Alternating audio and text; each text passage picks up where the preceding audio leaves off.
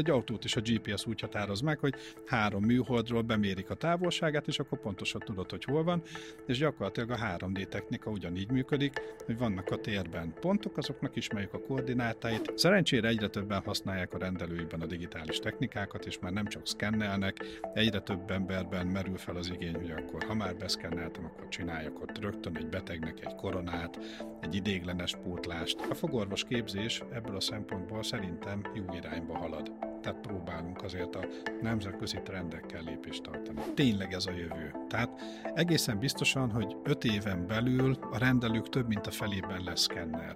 Ezt lemerem fogadni. Fogászati trendelő. Egy műsor a jövő fogászatát alakító innovációkról, trendekről és a legújabb technológiákról. A műsort vezeti dr. Dergez Márk, a Mindent Ment fogorvosa. Köszöntök mindenkit, én dr. Dergez Márk vagyok, a Mindent Ment fogászati hálózat fogorvosa és a podcast műsorvezetője. Ez itt a fogászati trendelő, melynek során epizódról epizódra a meghívott vendégeimmel arról beszélgetünk, hogy miként befolyásolják a fogorvos társadalom mindennapjait a legújabb innovációk és technológiák. A mai adásban szeretettel köszöntöm dr. Marada Gyulát. Picit érdekes ez a felállás, mert bevallom őszintén, én legutoljára Gyulával egy vizsgán ültem szembe, csak ott az volt a helyzet, hogy én válaszoltam, és ő kérdezett, úgyhogy ez most egy olyan szituáció, hogy én fogok kérdezni, és ő fog válaszolni. Úgyhogy remélem, hogy ezt a... Legalábbis az elején. Így é, legalábbis az elején, igen. igen. Gyula, nekünk az ismerettségünk az ilyen nagyjából tíz évre vezethető vissza, amikor is én egyetemre jártam, és rengeteg kötelező és elektív kurzusnak a részevője voltam, és rengeteg olyan tudományt tanultam tőled, ami, amit a mai napig is elsajátítok és alkalmazok, viszont azoknak, akik érdeklődnek a téma iránt, azoknak legelején talán arra kérnének, hogy pár szóban mutatkozzál be. Jó. Hát először is nagyon szépen köszönöm a meghívást, az pedig külön megtisztelő, hogy azt már megkérdeztem, hogy ez a második adás, és akkor rögtön Így a, igaz, igen. egy ilyen illusztris társaságban rögtön az Erdély Attila után kerültem be, úgyhogy ez mindenképpen megtisztelő, köszönöm szépen. Tényleg nagyon sokan vannak, akik nem ismernek nyilván. Én Pécsen a Fogászati és Szájsebészeti Klinikán dolgozom, illetve a Pécsi Tudományegyetem általános orvostudományi karának a fogorvostudományi szakának vagyok az oktatója, ilyen szép, hosszú címe van a dolognak. A valójában egyébként pedig a fogpótlásítani tanszéket vezetem most már öt éve, mióta Radnai professzorasszony leköszönt erről a tisztségről, és őt váltottam, és most már ides tova, kicsit majdnem másfél éve a klinikának vagyok általános igazgató helyettese még. Wow. Tehát így. Ezért is adtam át, mert ezt te tudod szebben elmondani, mint én. Igen, ez ilyen, hát ez főleg akkor néz ki, amikor az ember leírja a nevét, és a neve mögött van egy csomó ilyen betűs rövidítés, de valójában ez, ez azt akarja, hogy van egy jó nagy osztályom, jelenleg a, a klinika legnagyobb osztálya a fogpótlástanosztály, azt igazgattam eddig, meg most akkor egy kicsit a nyakamba vettem az egész klinikát is. Mi motivál egyébként a munkát során?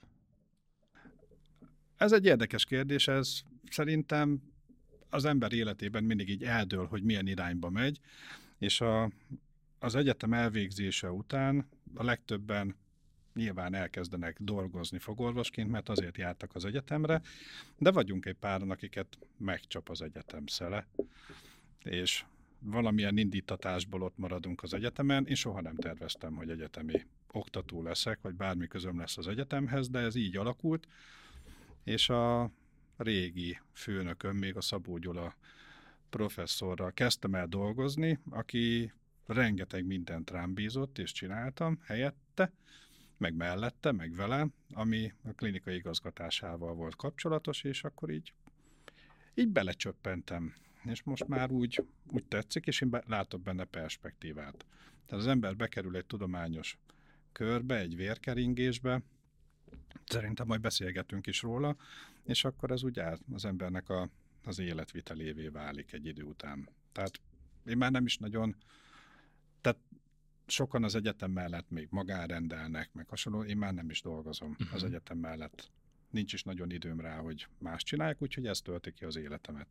tulajdonképpen. Régi kollégák közül kikkel dolgozol együtt? Az egyetemről? Igen, igen.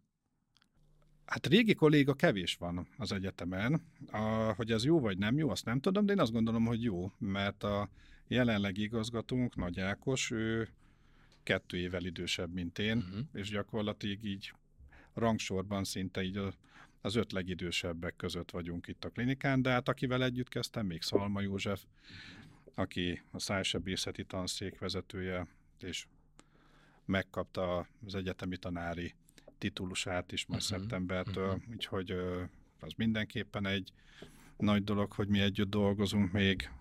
Lempe Ledina, aki még országosan is fogorvoskörökben ismert, rendkívül jó szaktekinté. Úgyhogy azért vagyunk sokan egy páram. De főleg ilyen fiatalabb, tőlünk fiatalabb generáció, amire azt gondolom, hogy jó. Ha még magamat is oda sorolom, vagy inkább középkorúak közé, akkor azért a, ez jó, hogy fiatalokkal vagyunk körülvéve. Természetes. Mai témánk, illetve az adás tematikának a menete akkor úgy néz neki, hogy a 3D-s technológiákról, illetve a CAD-CAM rendszerekről, szoftverekről, szoftverismeretekről, tervezésről beszélgetnénk. Mint ahogy azt az ősi Kínában is ismerték, vagy legalábbis alkalmazták, hogy ezüst tartalmú töméseket, vagyis fogpasztát alkalmaztak kavitások ellátására. Valószínűsíthetően ezek voltak az amalgámoknak az előfutárai. Van olyan általánosan elfogadott konszenzus, ami a mai ketkem technológiáknak a kiinduló pontja lehet? Hú, ez egy nagyon érdekes kérdés. Nagyon nehéz egy konkrét dologra visszavezetni. Ha nagyon-nagyon vissza akarjuk vezetni valahova, akkor nagyon messzire jutunk. Egészen az euklidészi geometriáig eljutunk, mert hogy a, ma is a, ez a trigonometria gyakorlatilag a GPS-ektől elkezdve minden ezen az elven Ilyen működik. Axiomákra gondolsz, és társai? Nem, maga az az elmélet, hogy egy pontot úgy tudsz a térben meghatározni, hogy három másik ponthoz hasonlítod össze a távolságát.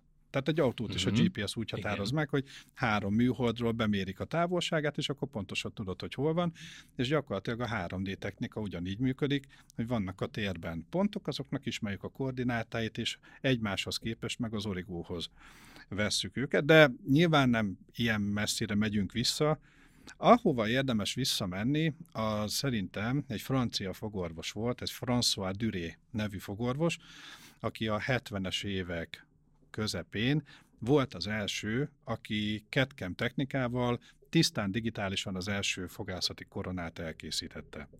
Előtte nem sokkal egy Patrick Henretti nevű úr volt, aki csinált először digitálisan már munkafolyamatokat, de François Duré volt az első, aki elkészített teljesen digitálisan koronát, és utána ez begyorsított egy csomó dolgot, jöttek a fejlesztések, újítások, sokan voltak, akik megelőzték a saját korukat is. Ilyen volt például Werner Murman Svájcban. A, ő a ma cerek rendszernek ismerik, de hát a Cserszáj technikának volt ő a, az első megálmodója és elkészítője, ami egy hatalmas újítás volt, egy mértföldkő, csak ő megelőzte a korát. Mert olyan dolgot álmodott meg, ami akkoriban még nem tudott megvalósulni, mert az a technológia, meg az a számítástechnika ezt még nem tette lehetővé. De most ugyanazt csináljuk egyébként, amit ő kitalált, csak most már ezt meg tudjuk valósítani. Ez a direkt szájba szkennelés, ő kitalálta, nem nagyon működött, most már viszont ez teljesen szerves része. Lehet akár a mindennapi ellátásnak. Uh-huh. Említetted itt a Chairside, vagy úgynevezett rendelői rendszert. Még milyen csoportja lehet a Chairside-on kívül ezeknek a rendszereknek? Hát alapvetően nem fogászat, mert erről is beszélgettünk előzetesen, hogy a digitális technika az, hogyha fogászati digitális technikáról beszélünk, akkor régen ez szinte teljes egészében fogtechnika volt. És nem chairside rendszerekről beszéltünk, hanem ezekről a laborrendszerekről, az in-lab rendszerekről, ilyen szép angolos kifejezéssel, és a fogorvosok kezében nagyon kevés dolog volt.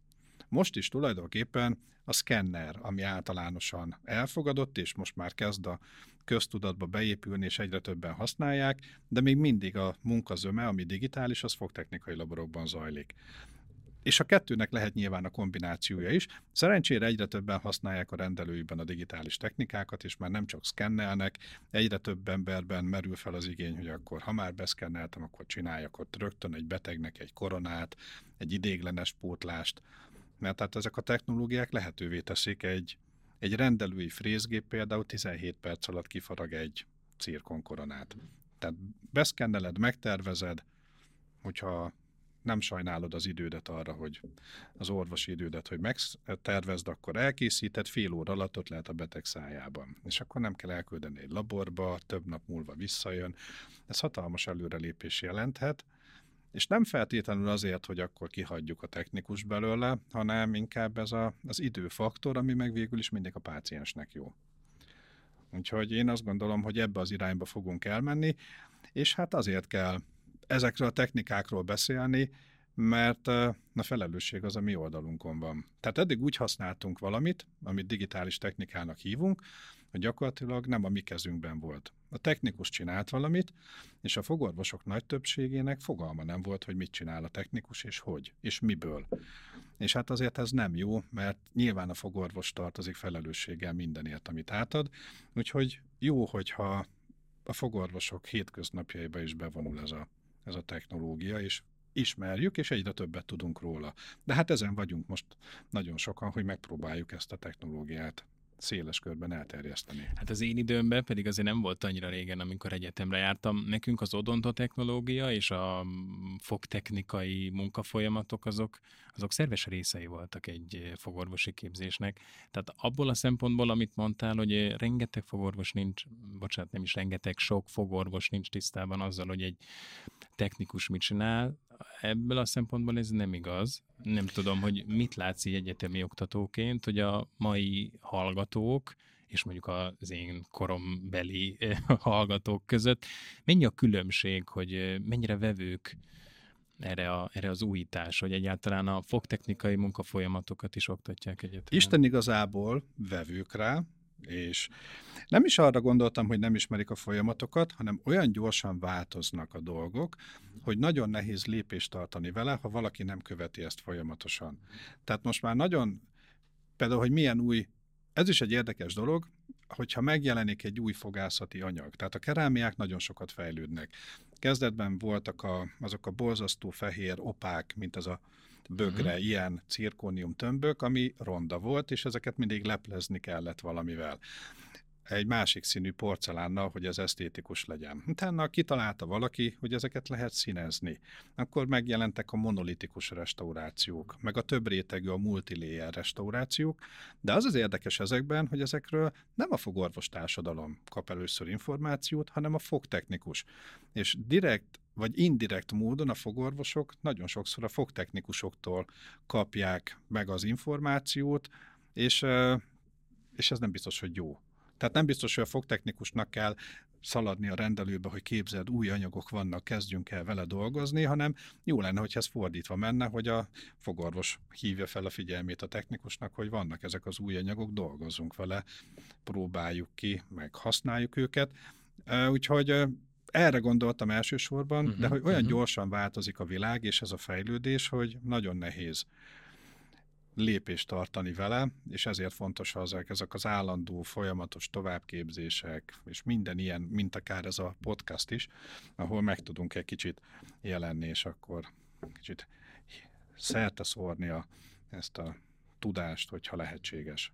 Mit tanácsolnál azoknak a szakembereknek, akik eh, nyitottak erre a, erre a digitális fogászatnak a gyakorlatban történő alkalmazására, értem ez alatt a szkenerek használatát, de még nem volt rá lehetőségük, hogy kipróbálják, vagy ha volt rá lehetőségük, akkor kudarcot vallottak?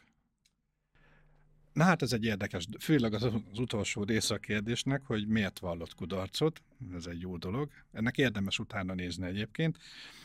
Volt a, egyszer van, nem is tudom, pár évvel ezelőtt, pont valahogy így a digitális dolgokkal kapcsolatban írtam egy cikket, és egy Máté Péter Máté hát, Péter szám. Számnak az idézetét tettem be címnek, hogy ez a... Egyszer véget ér? Nem, hanem hogy ne féljünk a, az újtól, mert az, uh-huh. mert az csak jót hozhat nekünk. Ah, Tehát egyrészt nem szabad félni tőle. El uh-huh. kell kezdeni. Gyakorlatilag nincs veszteni valója az embernek.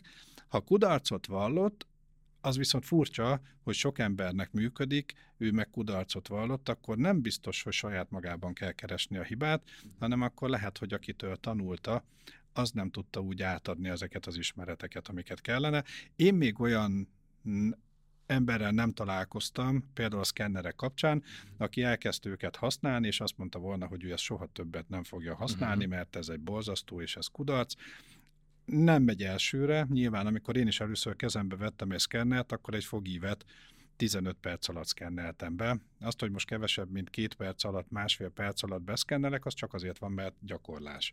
Uh-huh. És megy. De, de én azt gondolom, hogy ezt ez kortól független tud lenni. Ha valakiben megvan az érdeklődés, akkor szerintem ez simán tud működni. Pont említettem kollégámat, Volom Andrist, aki, aki így azért már bőven a sokadik x túl, mikor először kezébe vette a szkennert, ő nem átalt, és neki állt vele dolgozni, és egészen bámulatos dolgokat hoz most ki egy szkennerből, és ilyen tudományos érdeklődéssel használja őket, úgyhogy jó. Én azt gondolom, hogy neki kell, most már könnyű dolga van, azt mondom mindenkinek, mert nagyon sok szereplős a piac, uh-huh. és nagyon sok tanfolyam, kurzus, kereskedők által szervezett tréningek vannak, ahol azért ezeket nagyon magas szinten el lehet sajátítani. Szerencsére azt kell, hogy mondjam, hogy ezek ö, felzárkóztak a technológiához. Mert egy időben volt egy gap. Tehát uh-huh. volt egy kereskedő, gyorsan akart valamiből profitot termelni, meg megérezte, hogy mit, mivel kell foglalkoznia, és behozott Magyarországra egy szkennert. De nem volt hozzá technikusa, nem volt IT háttere, nem volt szerviz háttere, és így nyögvenyelősen ment a dolog, és ilyenkor tényleg voltak olyan nagyon bals, bal sikerű dolgok, amik, amik amiről én elhiszem, hogy valakit elrettentett ettől, de ma már a technikusok nagyon felkészültek, kereskedők nagyon felkészültek, nagyon jó technikai háttér van mögöttük, mindenben tudnak segíteni, úgyhogy szerintem, hogyha most valaki nekiáll, egyrészt biztos, hogy talál, ha elindul fél órán belül talál egy helyet, ahol ki tud egyet próbálni, és felkészült kollégák vannak, úgyhogy azt gondolom, hogy most már nem nagyon lehet ezzel probléma. És kik, kik fejlettebbek, ha már lehet ilyet kijelenteni, hogy egyáltalán fejlettebb valaki? Tehát fogtechnikai része van a, az informatizált vagy digitalizált rendszereknek a fejlettsége, vagy inkább rendelői szinten? Most már azt mondom, hogy a rendelő felzárkózott. Uh-huh. Ez is technika volt elsősorban, uh-huh. mert technikusok részéről volt az első nagyobb beruházások is, hát ez nyilván beruházás, anyagi beruházást is, és mindenféle beruházást igényelt. Milyen ők ezt meglépték, uh-huh. de most már azért simán felzárkózott a fogászati. A rendelő is ezek mellé, úgyhogy mind szervezettségben, mind felkészültségben én azt gondolom, hogy most már azért úgy egálban vagyunk. Mivel lehetne motiválni azokat a rendelőket, akik próbálnak felzárkózni, de valamilyen okból kifolyólag legyen financiális vagy szakmai hiányosság miatt mégsem választják ezt a ezt a, hát a financiális dolgok azok, az komoly hátrányt jelent, és az egy komoly visszatartó tényező, de sajnos még mind a mai napig benne van, hogy ez a technológia új, még drága. E, nyilván biztos vannak olyan pénzügyi források, meg mindenféle, amivel ezt egy kicsit egyszerűsíteni lehet, de e, én azt gondolom, hogy ez változni fog, úgy, ahogy több eszköz jön majd a piacra, ezek egymás árát fogják folyamatosan lenyomni, úgyhogy szerintem ez a jövőben változni fog. Egyszer tartottam egy előadást szkennerekről, és akkor megkérdeztem a, a közönséget, hogy mit gondolnak, hogy mikor lesz majd a rendelők többségében szkenner, mikor váltjuk ki a hagyományos lenyomatot, és nagyon érdekes válaszok születtek, de valami olyasmi konszenzusra jutottunk, hogy ha majd a a rendelő éves lenyomatanyag mennyiségének mondjuk a kétszeresénél nem kerül többe a szkenner, akkor úgy elgondolkoznak azon, hogy akkor váltsanak szkennerre. Azért a szkennerről azt kell tudni, hogy ez nem mindenható. Tehát mindent nem lehet még vele megcsinálni. Vannak olyan területek, teljes kivehető fogputlás, a nyálkahátya rezilienciája miatt nem lehet digitálisan lenyomatot venni, mert ott fizikailag nyomni kell a nyálkahártyát, hogy a fogsor működjön, úgyhogy még teljesen nem tudjuk kiváltani a hagyományos analóg lenyomatvételi technikát, de jó úton haladunk.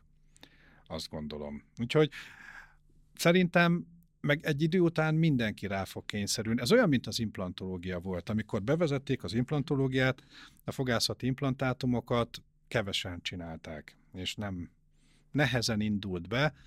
Ma már azt gondolom, hogy ha nem is rak be mindenki implantátumot betegnek, de hogy minden fogorvos találkozik olyan beteggel, akinek implantátuma van, az biztos. Tehát egyszerűen mindenkinek kell, hogy minden fogorvosnak kell értenie valamilyen szinten az implantációs fogputlásokhoz, és az szerintem ez lesz a digitális dolgokkal is, egész biztosan. Így van, így van. Érdekes egyébként, amit mondasz.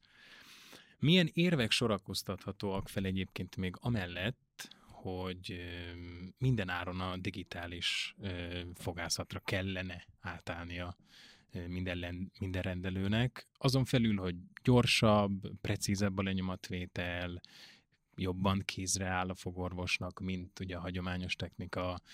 Minden mellett ugye mondom a pácienseknek a kényelmét is, nincs anyaghasználat, és a többi, és a többi. Persze, páciens oldalra is meg lehet közelíteni. Jobb, kényelmesebb, nincs rossz íze, nincs hányinger, hasonló dolgok. A páciensek tudatosak. Most már nagyon sokan úgy keresik a rendelőt, hogy ahol szkenner van. Uh-huh. Mert hogy egyrészt érzik a rendelőn az innovációt, másosorban meg a betegek azért nagyon érzékenyek, erre figyelnek az új dolgokra. A, a másik pedig, hát a laborok. Tehát egyrészt a laborok az utóbbi, szerintem egy évtizedben hatalmas investíciót hajtottak végre, iszonyú mennyiségű pénzt fektettek be laborok fejlesztésébe, hogy digitálisan dolgozzanak. Az ő számukra most már a digitális munkafolyamatok evidensek. Nekik az, hogy analóg technikáról kell digitálisra átállniuk, mert én mondjuk egy analóg lenyomatot küldök, akkor nekik az visszalépés. Tehát nekik sokkal könnyebb, hogyha már én is digitális adatot küldök, egyrészt gyorsabb is, tehát nem nincs kijöntési időtől elkezdve semmi. Például mi egy fog, Pécsen egy fogtechnikai laborral dolgozunk, ami Tatabányán van. Én, ha beszkennelek valamit, rányomok a küldés gombra, Tatabányán a technikusnak a telefonja csippan, látja, hogy bejött egy munka, ha rögtön nekiáll, akkor fél órán belül megtervezi, elkezdi legyártani, két órán belül kész van, és hogyha ez délelőtt elment, akkor a délutáni postával tudja nekem küldeni, másnapra ott van. És ez hasonló, és ez összevethetetlen azzal, ami régen volt, az a négy munkanapos határidőt vállaltak a technikusok bizonyos dolgokra. Tehát ég és föld a különbség, tehát gyorsaságban hatalmas a különbség, árban is tud gazdaságos lenni, mert azért a szkennereknél nincs lenyomatanyag, nem kell vásárolni, fertőtleníteni nyilván kell, de nincs benne kopó alkatrész, amit állandóan cserélgetni kell, mondjuk a fejet azt lehet. És hallgatókat meg szoktam kérdezni, hogy ők mit gondolnak, hogy miért jó a digitális technika, és ők is ilyet szoktak mondani, hogy persze, mert pontosabb, meg valójában nem. Az a nagy igazság, hogy az ember által kézzel készített dolgok tudnak olyan pontosak lenni, vagy még pontosabbak, mint amit a számítógéppel készítünk, viszont amit nem tudnak, az az állandó minőséget garantálni. Tehát mondok egy példát, rögzített fogpótlásoknak a széli zárását, a rést nézték, hogy mennyire pontos, és a fogtechnikus készítette, akkor 10 mikron és 200 mikron között nagy range-ben változott ez, és nem tudta mindig ugyanazt a minőséget garantálni. Ha ugyanezt számítógép által vezérelt géppel csinálták, akkor 35 és 55 mikron között. Egy nagyon szűk range-ben változott ez, és ezt folyamatosan tudta hozni. És én azt gondolom, hogy ez lehet a, a kulcsa a dolognak, hogy, hogy a minőség biztosítása az egy hatalmas érv a digitális technika mellett. Említetted itt a szoftvereket. Mi kell azon felül akár egy rendelőnek, vagy egy fogtechnikai labornak, hogy megvásárolja ezt a szoftvert, és természetesen a informatikai utasításokat elolvassa és elsajátítja, mert azért hát nem, nem csak ebből áll egy, egy szoftverismeret. Nem, azért a, a szoftvereket két fő csoportra lehet osztani a szoftvereket. Vannak a professzionális technikai szoftverek, meg most már vannak a nem annyira professzionális és nem technikusoknak szánt szoftverek. A kettőben nagy a különbség. Egyrészt ezek a szoftverek, ezek felhasználóbarátak, tehát az a lényege mindegyik szoftvernek, hogy lépésről lépésre végigviszik a felhasználót, és nem sokat kell gondolkozni, hogy kihagyott valamit, mert tényleg automatizált szinte a folyamat. Viszont ezek a szoftverek drágák egyrészt, másodszorban sokkal többet tudnak, mint amennyire fogorvosnak szüksége van. Tehát egy, mondok egy példát, egy ilyen szoftver tud készíteni teljes kivehető pótlást, harapás emelősint, részleges kivehető pótlást, amire mondjuk egy fogorvosi rendelőben egy chairsight technikánál nincs szükséged, mert te csinálsz egy idéglenes koronát, egy idéglenes hidat, egy végleges koronát, és nagyjából ennyi, meg betéteket. Tehát kellett olyan szoftver, egyrészt, ami árban lényegesen kedvezőbb, tudásában nem feltétlenül kell, hogy olyan nagy tudású legyen, és jöttek is a piacra ilyenek, és ezeknek van olyan része, ami kifejezetten felhasználóbarát, meg van egy olyan része, ami meg viszonylag magas szintű informatikai ismereteket követel meg, sajnos, mert hogy ezek jól ismert informatikai platformokra épülnek. Például a háromdimenziós tervezésben nagyon jól ismert a Blender fogalom, ez egy ingyenes szoftver, viszont iszonyú tudással rendelkező szoftverről van szó. A mozifilmeket csinálnak vele, és tényleg mindent meg lehet vele csinálni, viszont ehhez érteni kell.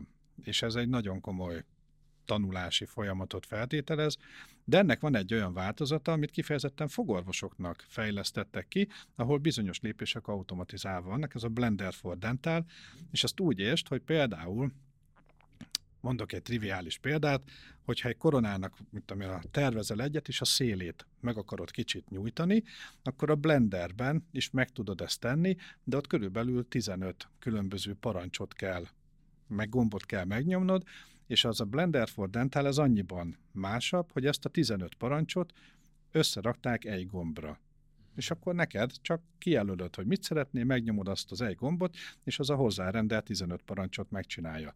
És ezért fizetni kell. Tehát meg tudod tenni, ha van informatikai ismereted, ezt olcsón is, akár ingyen is, de hát hogyha hajlandó vagy áldozni rá valamennyit, akkor viszont tényleg gyors és felhasználóbarát tud lenni a dolog, de ebbe az irányba indulnak el. Vannak most már olyan szoftverek is, amik online működnek, nem is kell megvásárolnod, tervezőprogram, szeretnél a betegednek csinálni egy koronát, online megtervezed, online elküldik, és azért az egy tervért fizetsz annyit, amennyit valami minimális összeget egy a szolgáltatásért, és csak annyit fizetsz, amennyit felhasználsz, nem kell megvenned, nincs havidíj, licenszdíj, nincs ezek jó dolgok, és ebbe az irányba megy el, mert hogy a, a chair technikának az, a, az alapja, hogy legyen szoftver, viszont az erre legyen optimalizálva, és ne fog technikára. Alapvetően protetikáról beszéltünk eddig, de használják a szoftvereket fogszabályzásban is? Hogyne. Sőt, hát a, vannak olyan területei a digitális fogászatnak, ahol a fogszabályozás élen jár, például 3D nyomtatás. Mert hogy egyre népszerűbbek ezek az úgynevezett láthatatlan fogszabályzók, ahol ezeket a jól ismert régi felragasztott fém rögzített fogszabályzókat egy olyan készülékkel lehet leváltani, ami átlátszó, nem látszik, esztétikus, kivehető, tisztítható, jól kezelhető, és ez digitálisan működik. Ilyenkor a számítógép megtervezi tulajdonképpen a fogmozgatást, nem a számítógép tervezi meg, egy szakember megtervezi egy szoftver segítségével, és gyakorlatilag mondjuk van egy kezdeti és egy végállapot, ezt felosztjuk 12 hónapra, és akkor ő szépen az egyes lépéseket 12 részre felosztja, és ahhoz kinyomtatjuk mondjuk minden, és két hetente cserélgetjük ezeket a sineket. És ez már digitálisan megy. Úgyhogy a fogászatban a 3D nyomtatókat éppen ezért először a fogszabályozásban használták. De most már nincs a fogászatnak olyan része, ami nem használ digitális technikát. Endodonciában van például a Guided Endo, tehát most már csinálunk sablonokat gyökérkezeléshez, ami pontosan a gyökércsatorna bemenetéhez vezeti a fúródat. Nem kell össze-vissza szétfúrogatni a koronának a koronai részét, keresgélni a csatorna bemenetet, mert egy sablon oda, mint egy fúró sablon oda vezeti. Na de hát egy trepanációs nyílás az majd, hogy nem azt mutatjuk, hogy teljesen fiziológiás. Jó, vannak eltérések, de... Hát egy molárisnál azért, de amikor van egy háromdimenziós CT-d, Igen. és azon látod a gyökereket, Uh-huh. Pontosan, hogy hogy helyezkednek el, hogy mennek, és van egy eszközöd, ami pontosan oda vezet, és fel annyi idő alatt. Anélkül is adott esetben, hogy nem csinálsz egy nagy trepanációs kavitást, hanem csak pontosan egy pici lyukat csinálsz, és ezáltal nem teszed tönkre a támasztó szerkezetét a fognak, a koronának, azért ez egy hatalmas előny. Vagy például olyan esetekben, ahol a gyökércsatornának egy része annyira beszűkül, hogy nem lehet rajta hagyományos kézi eszközökkel átmenni. Ilyenkor mondjuk egy gyémánt fúróval egy gyökércsatornába belemenni, az nagy bátorság, mert nagyon könnyen álutat tudsz fúrni, de hogyha van egy fúrósablonod, ami vezeti a fúródat, mert azt megtervezted 3D-ben, akkor nagy biztonsággal átmész a beszűkült területen, és utána folytat, lehet folytatni a csatornatágítást. Miben más ez a fajta csatornatágítás és gyökérkezelésnek a metódusa a mikroszkópos gyökérkezeléstől? Más egy kicsit, mert ezt előre megtervezed, és nem az adott szituáció alapján tervezed meg, hanem ezt mondjuk egy CT felvétel, röntgenfelvétel, háromdimenziós röntgenfelvétel alapján. Amikor mikroszkóppal dolgozol, akkor viszont gyakorlatilag a in situ látsz bele a gyökér, a kavitásba, a pulpakamrába, a gyökércsatornába, úgyhogy a, azt gondolom a kettő ki tudja egymást egészíteni. Az tény, hogy az endodonciában a mikroszkóp most az a, a kezelésnek a, a csúcsa, de megvan ez a digitális technikának is a létjogosultsága, szerintem. De mondom, ez minden, most már nincs olyan ága a fogászatnak, ahol digitális technikát nem használnánk. Gyerekfogászatban használunk például már. Gyerekeknek tejfokkoronákat készítünk digitális módszerrel, akkor szájsebészetben már régóta használjuk az implantátumoknál a sablonokat, a sablonos műtéteket, de sok mindent lehet sablonnal csinálni, gyökércsúcsrezekciót lehet sablonnal csinálni. Vannak, akik a temporomandibuláris diszfunkciónál a, használnak ö, különböző injekciós terápiákat, akkor pontosan bevezeti a tűt a meghatározott pozícióba és pontba, úgyhogy ezek nagyon sokat hozzátettek azért az elmúlt évek terápiás sikereihez.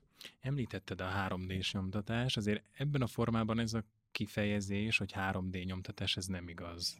Így Ugye? van, aha, igen. Hát ez egy jó történet. Uh-huh. Tulajdonképpen én az egész digitális technikával a 3D nyomtatáson keresztül találkoztam. Az egyetemünkön voltak olyan okos emberek, akik valahogy megérezték a jövő szelét, és tudták azt, hogy a 3D nyomtatással kell foglalkozni, és az egyetemünk pályázott egy viszonylag nagyobb összeget, aminek a megnyertük, és sikerült ebből az országban akkor a legnagyobb, legfejlettebb 3D központot kialakítani. És az akkori dékán megkért, hogy mivel azért mi is a karnak része vagyunk, a fogorvostudományi szak, vegyek ebben részt, és akkor próbáljak meg egy fogászati 3D nyomtató részt is kialakítani, és ez is benne volt a pályázatban. És én így kerültem kapcsolatba vele. Hát nyilván, ha már megbíztak valamivel, utána néztem, és foglalkoztam vele, és a pályázat kapcsán olyan emberekkel sikerült találkoznom, akik ilyen nagyon mély nyomot hagytak bennem. Például mindenképpen meg kell említenem azt a szemét, aki maga a 3D nyomtatást szerintem Magyarországra behozta és meghonosította. Ez Falk György, ő egy mérnök ember, nem fogászattal foglalkozott, csak ez ilyen hobbi volt nála a fogászati nyomtatás, mert volt egy nagyon jó fogorvos barátja, de ők voltak, akik Magyarországon 3D nyomtatással először foglalkoztak, komolyan, tudományosan. Mikor hozta be a Magyarországra? Hát ez a 90-es évek 90-es elején, évek közepén elején. már, már Hm? itt volt. Na és erre a 3D nyomtatásos dologra visszatérve, Hm. a, a sztori az az volt, hogy volt Amerikának egy, egy elnöke, aki ez az Obama volt. Barack ez a Obama. Barack Obama Mhm. volt, aki hát nyilván voltak segítő, és mondták, hogy a 3D nyomtatás jó, és ő célul tűzte ki azt, hogy minden államban legyen egy nyomtató központ. Hogy ez ilyen centralizált legyen, és mindenhol elérhető legyen, de nem nagyon tudta, hogy a három, hogy igazából ezt úgy hívták akkor, hogy gyors prototípus gyártás, ez a rapid prototyping. Na, az egészet azért hozták létre, hogy mielőtt sorozatgyártásba megy valami, csináljunk belőle egyet, nézzük meg, és lehetőség szerint tudjuk is kipróbálni. Mert hogy az, amit kinyomtatsz, ez olyan anyagból készül, ami valódi fizikai kipróbálásra alkalmassá teszi.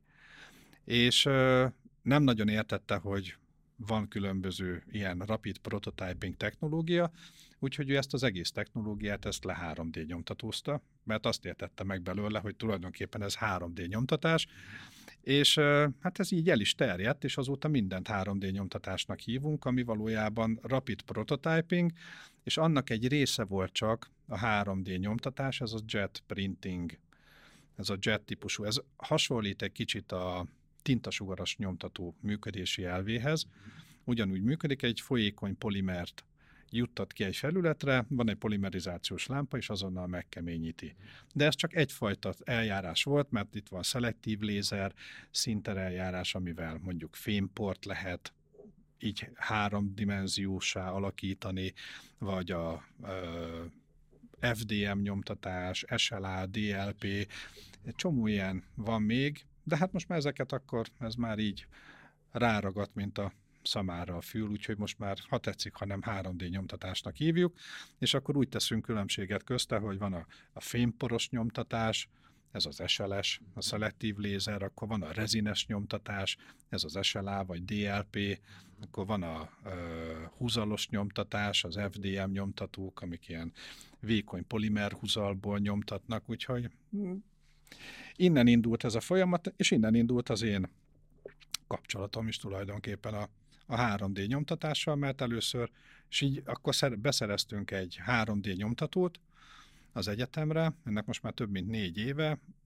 ami egy fantasztikusan jó nyomtató volt.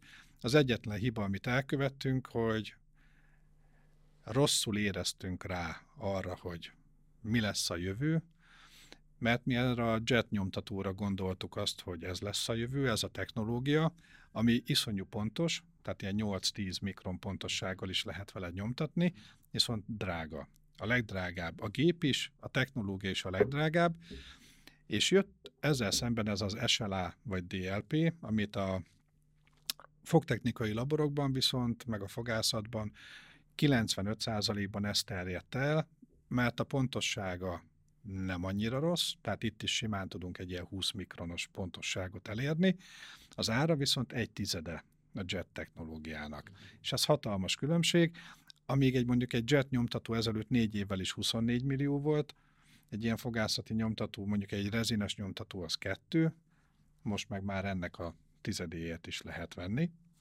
nyomtatót, úgyhogy ez a technológia, ez árban elérhető volt, tudásban megfelelt, és ez a technológia gyakorlatilag ez hódít mind a mai napig, fogászati szinten, úgyhogy laborokban és most már rendelőkben is egyre több van ilyen nyomtatókban szerencsére. És van esély arra, hogy az obamai mintára Magyarországon is szétterjed a prototípus nyomtatás, vagy, vagy mi, a, mi a meglátásod? Nagyon-nagyon terjed egyébként, terjed. mert uh-huh.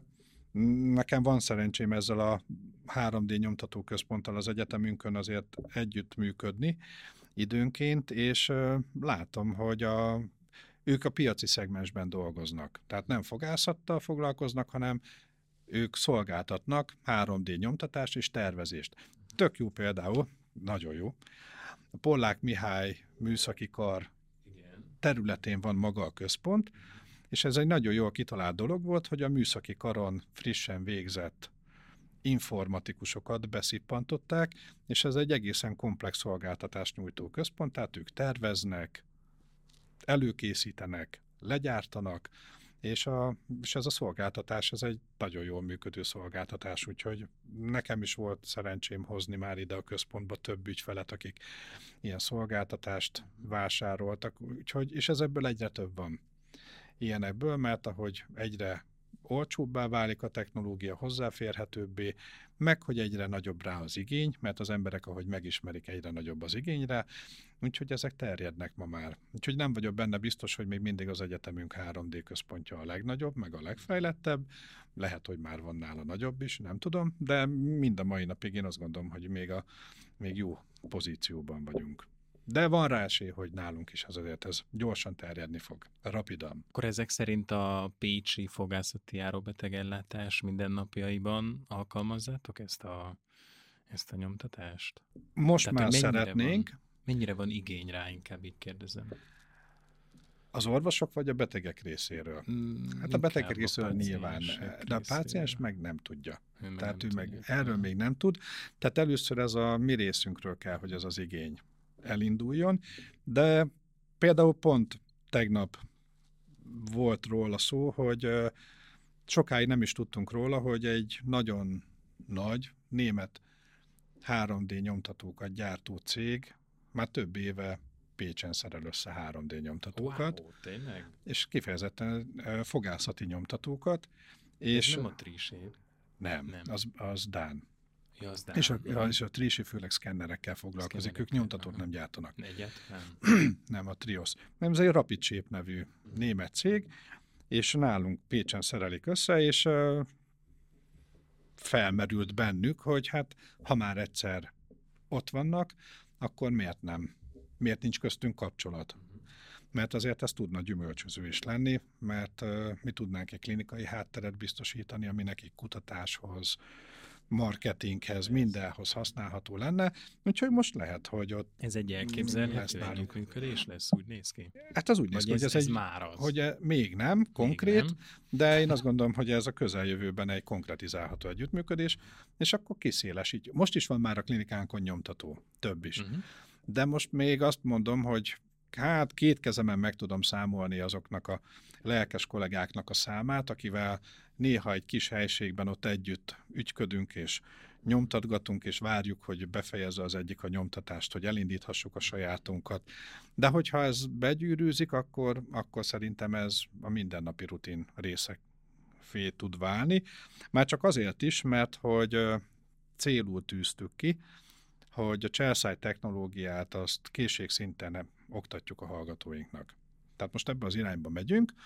Jelen pillanatban keresgéljük a legideálisabb cselszáj technológiát, ami azt jelenti, hogy olyan technikát szeretnénk beszerezni, hogy szkenner, frézgép, nyomtató ott a rendelőben, és ezt a propedeutikával kezdenénk, tehát most épül egy új tanlaborunk, uh-huh. ott már szeretnénk egy ilyen rendszert beindítani, és akkor ott a hallgatók, amik a Fantomon preparálgatnak, beszkennelik, csinál, megtervezik, csinálnak maguknak idéglenes koronát, kifaragják egy frézgéppel, és hogyha ezt begyakorolják, akkor utána ilyen rendszer lesz a klinikumban is, és mindenki meg tudja csinálni, és az a cél, hogy úgy menjen ki egy hallgató az egyetemünkről, hogy csinált ilyet. Van benne rutinja. Még ha nem is nagy, de legalább nem, is, nem az van, hogy ismer valakit, aki látott már ilyet, hanem hogy mindenki csinált egy ilyet. Megelőztél a válaszoddal, mert egyébként pont ezt akartam kérdezni, hogy, hogy ez mennyire aktuális most az egyetemi oktatásban, ez a 3D nyomtatás, meg maga a szkenés. Az én időmben tudnilik még nem, nem volt annyira. Nem volt. Nem, hát az első szkennerünk az két, most már három éve van, a másodikat is másfél éve vettük, tehát ez nem egy régre, régmúltra visszatekintő dolog. Persze, és... ez hozzáteszem, nem azt jelenti, hogy nem sajátítottuk el, mert szerintem a korombeliek azért már elég sok kurzuson voltak, ahol, Persze, ahol igénybe de... vették, csak hogy ez már egy előrelépés egyébként az egyetemi oktatás szempontjából is, hogy valóban úgy kerülnek ki a hallgatók, hogy ismerik a legújabb technológiát és innovációt. Kénytelenek vagyunk, de azzal, hogy most Pécsen megépült az új fogászati oktatócentrum, uh-huh. ami gyakorlatilag az új fogászati klinikát jelenti, igen, igen. meg most hozzá csak ez a hivatalos szép neve, hogy oktatási centrum, és ehhez most hozzájön majd az új skill laborunk, uh-huh. gyakorlatilag lesz egy olyan infrastruktúrális hátterünk, ami, ami egy jó alapot teremt ahhoz, hogy nem csak helyi, hanem akár nemzetközi viszonylatban is oktassunk ilyet. Tehát most ez nagyon jó alkalmat teremtene arra, hogyha egy ilyen rendszert beállítunk, és elkezdünk vele dolgozni és oktatni, akkor akár a, a környezet vonzó lehet, nem csak külföldi diákoknak, hogy hozzánk jöjjenek, de ez ennek marketing szempontja is jó, de akár végzett orvosok is jöhetnek hozzánk tréningre, tanulni, mert hogy a környezet olyan lesz, hogy ez szerintem vonzó és, és alkalmas is lesz arra. Pont most a pár hete három-négy hete volt szerencsém Brunóban járni. Uh-huh. Brunóban építettek egy, egy giga beruházás keretében egy ötszintes skill kórházat, ahol nincs valódi beteg, csak szimulált körülmények, de olyan szinten, hogy a, a tető, lapos tetőn van egy szimulált helikopter leszálló, azt Rá van írva nagybetűk, hogy helikopter lenne szálljon, de fel van festve a H betű, és úgy, mint a, és úgy, mint a filmekben, ott van a lift hozzá, ahol kirohannak, és akkor a, a mű babát betolják a műtőbe, az intenzív osztályra, és ez egy ötszintes, és van egy, egy borzasztó jól felszerelt, egy két év átadott 72 egységkészülékes fogászati skill, ami csak a második emeletet foglalja el, és például ők első évtől az ötöd év végéig mindent először skill laborban gyakorolnak. Uh-huh. Tehát a, nem csak a konzerváló fogászatot és fogpótlást, hanem később, amikor a szájsebészet, paradontológia, implantológiát szimulált körülmények között gyakorolják először, és utána a betegnél. Tehát ez a része is azt gondolom, hogy egyre inkább előtérbe kerül, de hát most szeretnénk ezt, a, ezt az új hullámot meglovagolni, és szerencsére van fogadókészség, uh-huh. és az egyetemünk, illetve akarunk vezetése részéről is nagyon komoly elkötelezettség van abba az irányba, hogy ebbe az irányba, hogy ezt fejlesszük, úgyhogy én remélem, hogy ezek meg is valósulnak. Nyilván a hallgatók sodródnak a, a képzés adta lehetőséggel, de mi a tapasztalat? Mit látsz, hogy mondjuk egy korábban, korábbi évtizedekben végzett kollégák és a jelenlegi hallgatók között mi a, mi a hozzáállásbeli különbség egy ilyen innovatív technológiára? Hatalmas, én azt gondolom. Pont múlt héten olvastam, a, az egyetem valamelyik felületén megjelent egy újságcikk, hogy rekordszámot döntött a Pécsi orvoskarra jelentkezők, és ezen belül a fogorvos szakra jelentkezők száma. Tehát ez az innováció, és pont erre vezették vissza, hogy megépült egy új klinika, megépült egy új elméleti tömb, és már ez a, az új innováció, ez olyan mértékű vonzó erőt vagy hatást fejtett ki, hogy gyakorlatilag megsokszorozta a jelentkezők számát, és akkor erre az egyetem még rátette egy lapáttal, hogy a a lakhatás támogatás, a kollégiumi elhelyezés, megpróbálják mentesíteni a hallgatókat a drága albérletköltségek alól, megpróbálnak mindenkit a kollégiumba, kollégiumi elhelyezést biztosítani, vagy legalábbis nagy részüket. Tehát ez a fajta szociális háló, amit az egyetem nyújtani tud a hallgatóknak, ezek így összességében ez olyan vonzó tudat lenni, hogy anélkül, hogy hatalmas propagandát csináltunk volna, ez már is működik. Hogyha még ehhez egy kis marketinget hozzáteszünk, akkor azt gondolom, hogy ez jól tud működni, és ez tényleg vonzó erő a hallgatók esetén. Azt is látjuk, hogy a középiskolások közül is egyre többen jönnek a, a nyílt napjainkra, egyre többen vesznek részt a nyári táborainkban, egyre érdeklődőbbek, úgyhogy szerintem ez, ez jól működik. Már most is, meg, meg jobban fog. Persze nem jelenti azt, hogy mi vagyunk a legjobbak, Hát a marketing. De a marketing, marketing, marketing de, de jönnek a több, de, de a többiek is jönnek fel azért de, szépen de hogy egyébként. azt, azt esetleg tudod még így akár országos viszonylatban, hogy Pécs, tehát abszolút akkor azt lehet mondani, hogy a legújabb technológiákra nyitott, és hogy úgy mondjam fel is szerelt, de hogy a többi magyarországi egyetemek Hát a Semmelweis az egyértelmű, igen, tehát a Semmelweis egyetem nagyságából adódóan is más gazdálkodással dolgozik, mint a vidéki egyetemek, itt, itt adott ezek a lehetőségek. A másik három képző, másik kettő képzőhely, tehát a Debrecen és Szeged, Debrecen az nagyon sokáig élen járt, tehát a vidéki egyetemek közül a, mindig élen járt a, a fejlesztésekben és az innovációban. Hát most azzal, hogy azért megépítettük az új klinikánkat, azért őket megelőztük, és Szegeden viszont elfogadott most már a, ott is egy új klinika építésének a, a koncepciója, az alapja, és már a tervezés fázisában vannak, úgyhogy ők is szépen fel fognak zárkózni hamarosan szerintem. Úgyhogy, úgyhogy a fogorvos képzés ebből a szempontból szerintem jó irányba halad. Tehát próbálunk azért a nemzetközi trendekkel lépést tartani. És megint csak így összehasonlításképp kérdezem, mert azért a magyar orvosképzés az mindig is kiemelkedő volt, így évekre, évtizedekre visszamenőleg a, a régióban, vagy akár nemzetközi szinten is. De hogyha mondjuk nyitott lenne erre a amerikai féle elterjesztése, amit itt az előbb beszéltünk, mennyire lenne úttörő magyar orvosképzés a szomszédos országokihoz, vagy akár az európai szintű, szintűekéhez képest? Amikor innováción alapul egy képzés, akkor a magyar orvosképzés azzal nem biztos, hogy lépést tud tartani, mert innovációban nem mi vagyunk az elsők. Tehát a magyar orvosi egyetemeknek a, a financiális háttere nem biztos, hogy lehetővé teszi, hogy élen járjunk a világban. Amiben a magyar orvosképzés mindig is élen járt, az egyrészt az oktatásnak a, a színvonala, az oktatás mód, a fogorvosképzés pedig mindig az emelte a nyugati egyetemek fölé, hogy nálunk a, a gyakorlati képzés. Tehát addig, amíg egy nyugati, egy németországi egyetemben és ennek most lehet biztosítási hátterétől elkezdve bármi, gyakorlatilag úgy végez egy hallgató, hogy valódi beteget nem lát. Mhm.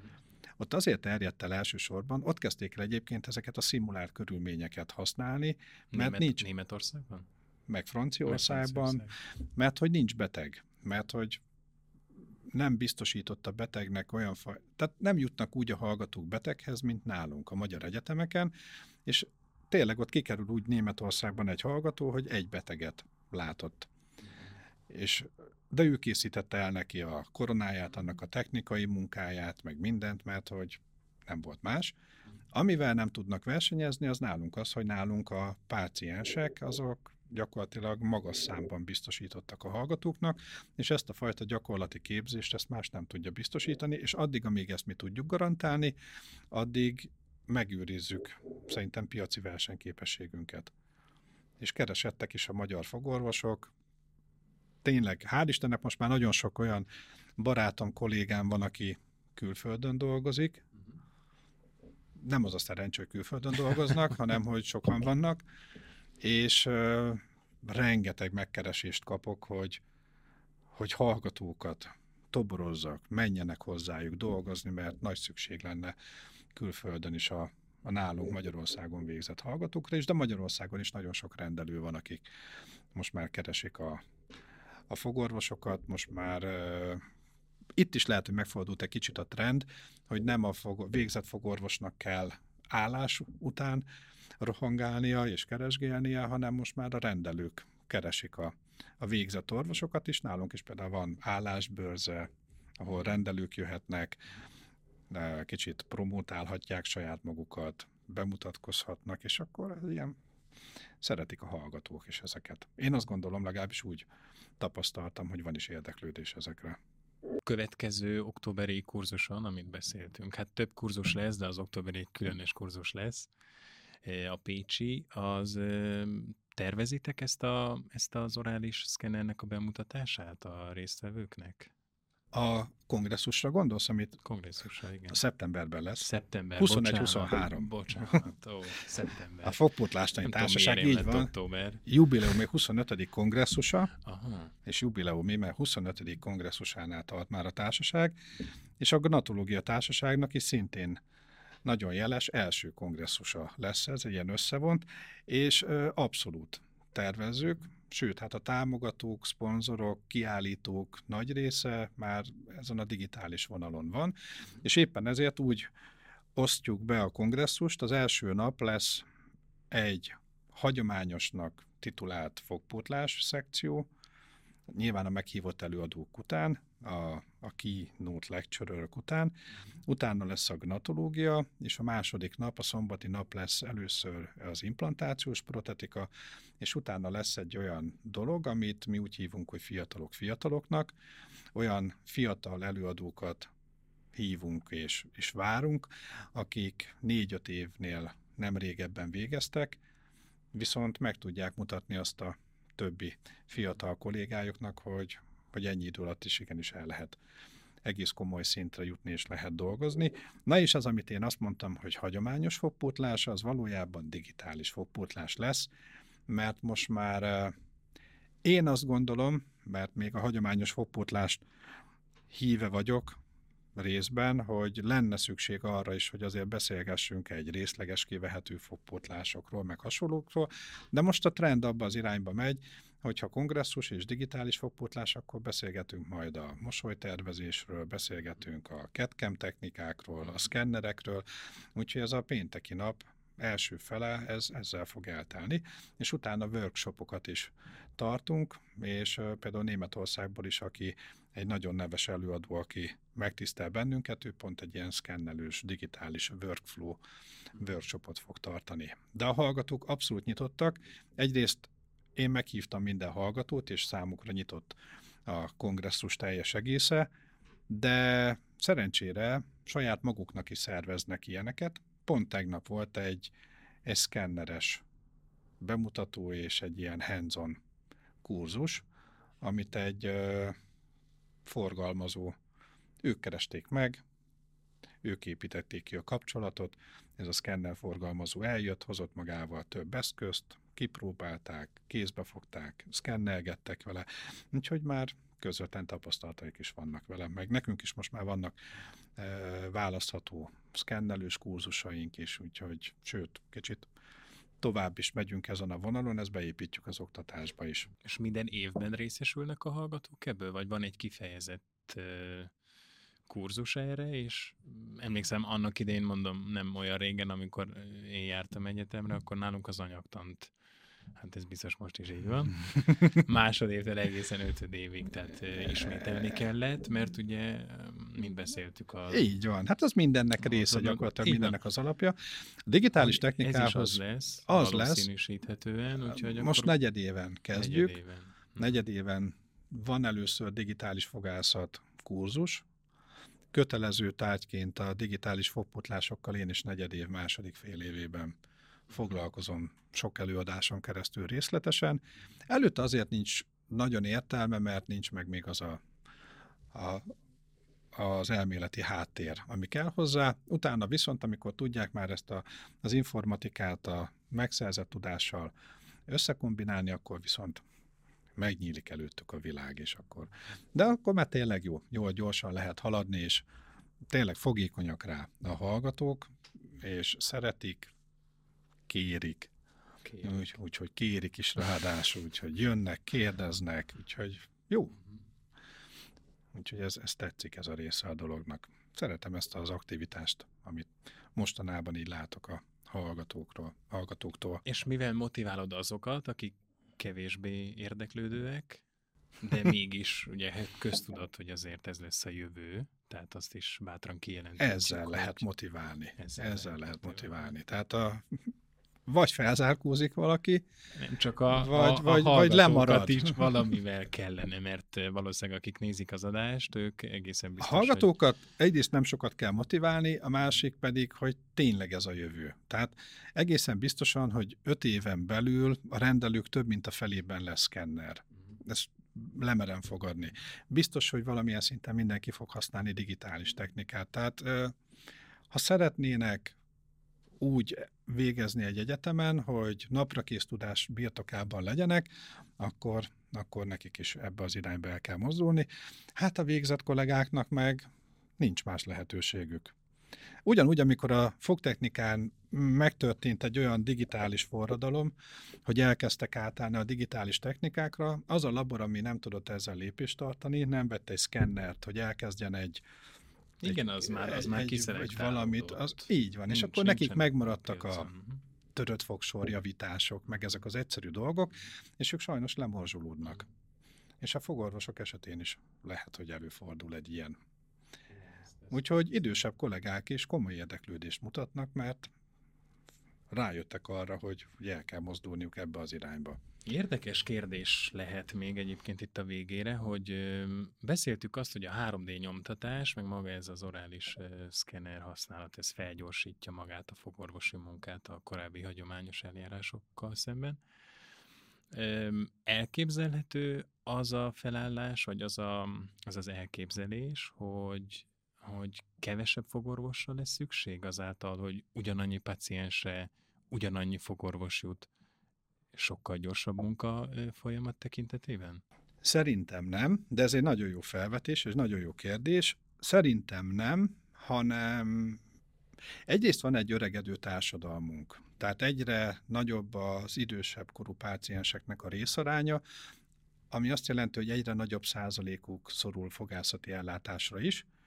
Egyrészt, tehát több fogorvos kell, a fogorvosi korfát nézve viszont katasztrofális a helyzet, nagyon sok az idős fogorvos, akik ki fognak esni a rendszerből, koruknál fogva. Én inkább azt mondanám, hogy szükség lesz fogorvosra, és inkább az egy a páciensre szánt idő fog majd nőni. Tehát én azt látom, hogy azzal, hogy felgyorsulnak a folyamatok, meg hogy a rendelőben csinálunk mindent, egy pácienssel több ideje lesz egy orvosnak foglalkozni, mert beszkennelgeti, megtervezi, megcsinálja, átbeszéli, és nem így ilyen rutinszerűen lenyomat, kiküldöm a technikára. Tehát én azt gondolom, hogy fogorvosra szükség lesz, sőt, talán többre is, nem hogy kevesebbre, és én azt gondolom, hogy a betegek ebből profitálni fognak. Tehát ez a futószalag-szerű ellátást, én azt gondolom, hogy a jövőben ezt, ezt kicsit le fogjuk cserélni egy ilyen kicsit személyesebb, közvetlenebb ellátási formára. Remélem. Legalábbis. Jó. A másik kérdés, ami, ami szintén érdekes lehet, hogy mondjuk beszkeneljük az alsó-felső fogsorát egy paciensnek, okkluzió, harapás, diasztémák helyzete, ha van, fogak állása, alaki helyzete, rendellenessége természetesen, ha van. Lehet-e úgy speciális tehát egyére szabott, személyre szabott fogkefét nyomtatni, ami ugye már a boltokban nem elérhető, hanem a 3D nyomtatóból eh, gyakorlatilag a paciensnek így oda lehet adni. Ha már fogakat készítünk 3-4 óra alatt, uh-huh. Elvileg a lehet 3D nyomtatóval, akkor egy teljesen egészséges paciens, nézzük, az nincsen szüksége fogpótlásra, de a fogait nyilván tisztítja, tehát a napi rutin része az abszolút igénybe veszi a, a Egyedi fogkefét gyártani elviekben lehet, nem mindegyik nyomtató képes rá, de például azok a nagyon drága jet nyomtatók igen, mert a jet nyomtatóban kombinálni lehet különböző anyagokat. Tehát ott bele tudok tölteni kemény anyagot, meg puhát is. Tehát egyszerre meg tudom, el tudom készíteni a fogkefe nyelét, meg a sörtét is meg tudom csinálni. Azzal meg lehet csinálni, csak nem biztos, hogy szükség van rá. Amire szükség lehet, mondjuk egyedi sinek, profilaktikus sinek, fluoridáló sinek, fehérítő sinek, és az tényleg ott a rendelőben beszkenneled, és kinyomtatod. De hát ezeket alkalmazzák végül Így van, csak, csak hát eddig várni kellett, hogy a laborba mm. elküldeni igen, a lenyomatot, igen, igen. visszajön egy mm. következő ülés, itt meg azt mondod a páciensnek, hogy várjon 20 percet, és a kezébe adod a sínt, meg tudod mutatni, hogy kell feltölteni az anyaggal, úgy küldöd haza. Tehát nem két ülés, egy ülés. Ezt már lehet. Próbálkoztak olyanokkal is, hogy egyedi fogkrém hogy a betegnek megnézni, milyen a saját szájflórája, mennyire a káriás aktivitása milyen, és akkor úgy beállítani személyre szabottan a fluorid tartalmat. De ezt a fogorvos keveri ki ott a laborban, vagy, vagy ad egy... Nem, valójában ez nem jött be, de volt ilyen be. fajta. Egyébként uh-huh. csak így ezen a vonalon, ezen az individuális profilaktikus dolgon elindulva ilyen próbálkozások is voltak, úgyhogy vannak mindig ilyen próbálkozások, és De biztos, hogy lesz is ilyen. hogy receptre felé, bár nem tudom. Nem tudom, hogy ez mennyire működne. Receptre vagy... egy fogkrémet, és... Á, nem tudom, hát mennyire igen. működne, vagy nem működne. Mindegy. Működnek a mostani fogkrémek persze, is. Persze, persze, hát azért abból is. Így van. Tehát, de sok mindent tudunk már a, a pácienseknek csinálni. Akár a rendelőben nyomtatása, úgyhogy Ilyen személyre szabott fogkefe szerintem nem biztos, hogy lesz ilyen, meg kell, de mást azért tudunk. Na, hát azt hiszem, hogy nagyon érdekes dolgokról beszélgettünk. Egészen biztos, hogy a hallgatókat, ha más nem, de az adás feléig ott tartottuk. Már nem az is, biztos, valami, hogy igen. hallgatott minket végig. Nagyon szépen köszönöm, hogy elfogadtad a meghívást, és Hát igazán nagyon szívesen, örömmel jöttem. Ennek a fantasztikus beszélgetésnek. Örülök, hogy ilyen abszolút innovatív és legújabb technológiákat átbeszéltünk. Az nem az én érdemem, az annak az érdem, hogy vannak ilyen technológiák, csak tudunk róla beszélni. És tudunk róla beszélni, de hát igen, Ez jó. azért mégis tőled hallottuk, úgyhogy tiéd a, tiéd a Ja, kicsit köszönöm. akkor learatom a dicsőséget, a babérokat. Köszönöm szépen. Minden jót a továbbiakban, Gyula. Köszönöm, viszont kívánom. Szia! Szia! Köszönjük, hogy velünk tartottatok. Hogyha tetszett az adás, akkor iratkozzatok fel a YouTube csatornánkra, vagy kövessetek minket a podcast platformokon. Hamarosan találkozunk. Sziasztok! Ez volt a Fogászati Trendelő, egy podcast olyan innovációkról, trendekről és technológiákról, amik végigkísérik fogorvost és pácienst a jövő fogászatához vezető úton. Maradj velünk a következő epizódok során is. Iratkozz fel kedvenc podcast lejátszódon vagy a Youtube-on. Fogászati Trendelő. A Mindent ment fogászat támogatásával.